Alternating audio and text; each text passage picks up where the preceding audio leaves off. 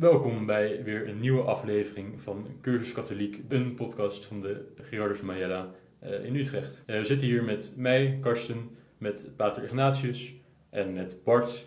En vandaag gaan we als thema bespreken de gemeenschap van de heiligen. Uh, een term die vorige keer als gevallen als een van de definities van wat de kerk is. Maar nu rest de vraag, wat is dat eigenlijk? Wat betekent heiligheid? Ja, wanneer, wanneer ik denk aan heiligheid, dan, uh, dan denk ik juist aan, aan iets dat uh, boven het alledaagse staat. Iets dat een, een bijzondere plek heeft voor, voor mensen. Iets dat, nou ja, ja i, i, boven het alledaagse. Ik denk dat dat misschien wel de beste omschrijving is. Mm Dat is um, inderdaad uh, een, een, een goede manier om het te zeggen. Boven het alledaagse, boven de rest kom je, dan kom je ten eerste uit bij God eigenlijk. Ja. Wie is degene die boven het alledaagse staat en, uh, en het gewone en het, uh, je zou kunnen zeggen, het profane. Uh, dat is God. En de Bijbel zegt ook, in het Oude Testament heel, heel duidelijk, God is de heilige. Hij is de enige heilige, de eerste heilige, zou je kunnen zeggen. En ook, dat betekent de hele schepping is ten eerste niet heilig, want God is de heilige. Dus uh, we, we hebben dan God, die is uh, heilig. Zijn schepping is niet heilig. Maar dan weet ik eigenlijk nog steeds niet wat dat heilig precies betekent. Ja, je kan het een beetje afleiden aan het feit dat God als schepper heilig is en zijn schepping niet. Dat, dat impliceert al een zekere afstand daartussen. misschien wel een, een onoverbrugbare kloof in basis. Uh, waardoor ik kan zeggen, ja, het heilig betekent eigenlijk iets dat apart gezet is. Iets dat ja, losstaat van inderdaad het, het alledaagse, maar dat eigenlijk losstaat van alles. En dat is ultiem in God die boven alles staat. Uh, en zo kan je ook heilige ruimtes hebben, plekken die zijn afgezet. Heilige tijden, uren die zijn afgebakend op een bepaalde manier.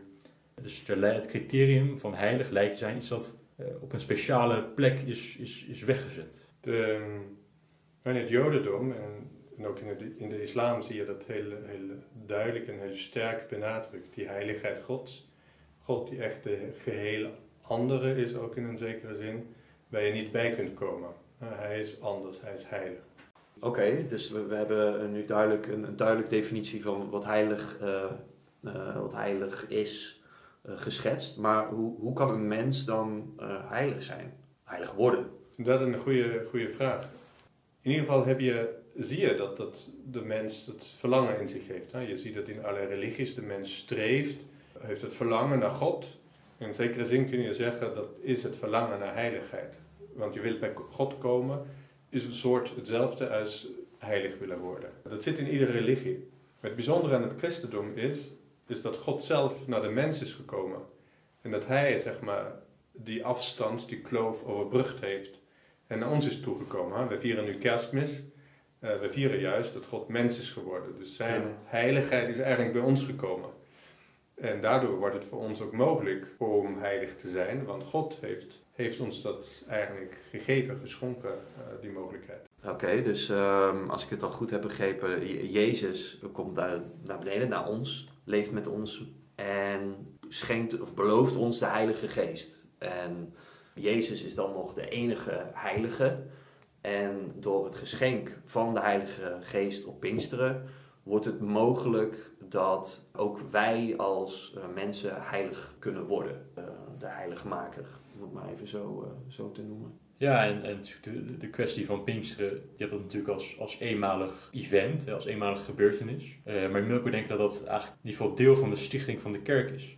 En dat de kerk nog steeds de doop uitdeelt als die, uh, eigenlijk diezelfde gave van die Heilige Geest. Hè, wat hier ook staat in de Juket, uh, tot de gemeenschap van de Heiligen behoren alle mensen die hun hoop op Christus hebben gesteld en door de doop bij hem horen.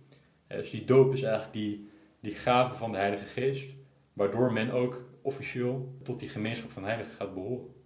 En, en daarmee is dus eigenlijk de, de kloof tussen het heilige en het, het profane is daarmee overbrugd. Ja, ja, van God naar Jezus door zijn geest en dan naar ons, ons de mens. Ja, en het, het interessante is, hè, eigenlijk is, zeggen wij, er is iets overbrugd. Hè, de kloof is overbrugd tussen de God de Heilige en wij die niet heilig zijn op aarde. Mhm. Maar in, in, in, tegelijkertijd gebeurt bij het doopsel ook weer dat apart zetten. Want door het doopsel word je opgenomen in de gemeenschap van de heiligen, van de kerk. En dus word je ook weer apart gezet. Hè? Jezus zegt, jullie zijn niet van deze wereld. Door het doopsel heb je weer, weer dat eh, niet daarbij horen, in zekere zin. Ja. Maar wel met een zending, met een missie om in de, in de wereld dan, dan aanwezig te zijn. Maar dat apart gezet worden, dat hoort gewoon bij, bij wat heiligheid is. Oké, dus eh, in, de, in de kerk, de gemeenschap van, van de heiligen, daar horen we eigenlijk dus allemaal bij. Maar als ik naar de kerk ga, dan staat er geen beeld van, van Sint, eh, Sint Bart of, of iets dergelijks. Maar nou wel bijvoorbeeld, om, om een, eh, een beetje een actueel voorbeeld te gebruiken, eh, Titus Brandsma is onlangs heilig verklaard. Ja, hoe, hoe zit dat? Wat, wat maakt iemand een, een heilige? Of hoe, hoe krijg je... Ja, ja dus inderdaad, je hebt heiligen die dan heilig verklaard zijn. Dat wil niet zeggen dat het de einigen zijn die dan echt in de hemel zijn, maar dat zijn mensen die dan een bijzonder voorbeeld voor ons kunnen zijn. En dan zegt de kerk, nou die heeft op zo'n bijzondere manier geleefd, die willen wij ook echt eh, ten dienste geven aan de, aan de kerkgemeenschap. Om te zeggen, nou als je, als je naar die persoon kijkt, dan weet je, dat is een goede weg eh, om als christen te leven in de wereld. Die hebben dan een soort voorbeeldfunctie en kunnen, kunnen ons helpen van hoe kun je heiligheid van dag te dag ook leven. Titus Brandsma is eh, nog 60, 70 jaar geleden heeft hij geleefd. In een tijd van vervolging laat hij zien van hoe je, hoe je als christen, hoe je, hoe je heilig kunt leven.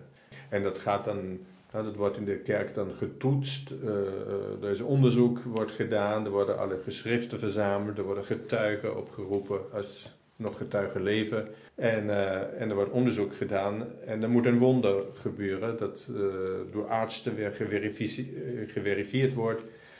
En eh, nou, tot het iemand dan heilig verklaard kan worden. Dat is dus de reden waarom het 80 jaar geduurd heeft voordat eh, bijvoorbeeld de, ja, de eerste Nederlander in, in een hele lange tijd heilig is verklaard.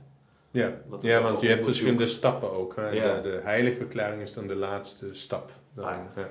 Oké, die, die voorbeeldfunctie bij de heiligen die is duidelijk. Hè. Hun beelden, horen hun verhalen. Toch ja, is ook de vraag, eh, we hebben het net gehad over dat wij eh, elkaar over de dood kunnen bijstaan. Eh, dat wij voor anderen kunnen bidden, maar wij vragen ook de heiligen om eh, voor ons te bidden. Ja, wat, wat, wat houdt dat in? Ja, het zou natuurlijk, wij als katholieke podcast moeten het natuurlijk ook even over Maria hebben. En misschien is dat ook wel het voorbeeld van wat een, een heilige voor ons kan doen. Want de heilige, Maria kan ons helpen. Wanneer wij de rozenkrans eh, bidden, wanneer we eh, tot haar bidden, kan zij vanuit de hemel ons bijstaan. Ja, eh, je zegt aanbidden. Goed, er zijn nogal van de terminologie hier. Meestal zeggen we dat we niet Maria aanbidden. Hè. Het gaat om het verschil tussen aanbidden en vereren. Dus, Ah, ja. dus die, over Maria zeggen, ja, die vereren we wel. Hè. Die, ja, daar vragen we ook wel om haar gebeden. Hè. Dat is een beetje verwant. Ja, ja, ja. Maar het is echt onder aanbidding. Hè. Het staat hier ook hier in de Yucat. Verstaan we de deemoedige, onvoorwaardelijke erkenning van de absolute verhevenheid van God boven alle schepselen. Ja, Maria is natuurlijk een schepsel. eh, dus zij kan niet aanbeden worden als God. Eh, we kunnen natuurlijk wel haar vereren. eh, zoals wij onze ouders eren. Of in ieder geval sommigen. zoals wij, wij de, de heiligen vereren. Als, zoals wij misschien wel de koning vereren als een, als een groot man. Of wie dan ook. Wie we dan ook kunnen waarderen. Ik denk dat dat wel, is wel een belangrijk verschil. Eh, anders verval je inderdaad in de karikatuur van de, de katholieke Maria-aanbidder. Dus het is vereren, niet aanbidden. Mea culpa.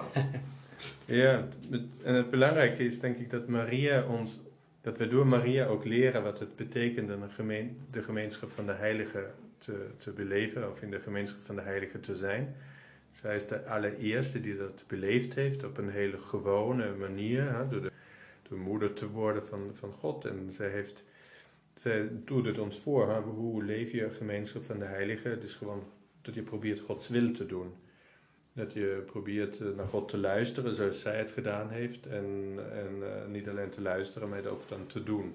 Dus in, in de mate waarin wij geloof beleven en het ook verwezenlijken in de, in de dagelijkse daden van liefde, zijn we onderdeel van de gemeenschap van de heiligen. hè. Zijn wij ook die heilige uh, in die gemeenschap. Oké, mooi. Uh, dan hebben we goed gezien hoe uh, wij Maria's leven als voorbeeld, eigenlijk Maria als archetype van alle gelovigen kunnen zien, die naar leven ja, echt heilig leefde. De volgende keer gaan we kijken hoe die heiligheid ja, eigenlijk ten uitvoering komt in het, ja, meer het kerkelijk leven, in de, in de liturgie. Onder welke heilige tekenen God zich met ons mededeelt. Ja, en dan zijn jullie natuurlijk ook uitgenodigd voor komende zondag bij de Cursus Katholiek, waar wij uh, verder nog op het thema van deze keer uh, in zullen gaan. Bedankt voor het luisteren naar de podcast Cursus Katholiek van de Gerardus Majella Kerk. Mocht je nog meer vragen hebben of meer informatie willen, dan kun je ons bezoeken op onze website. Dat is gerardusmajella.nl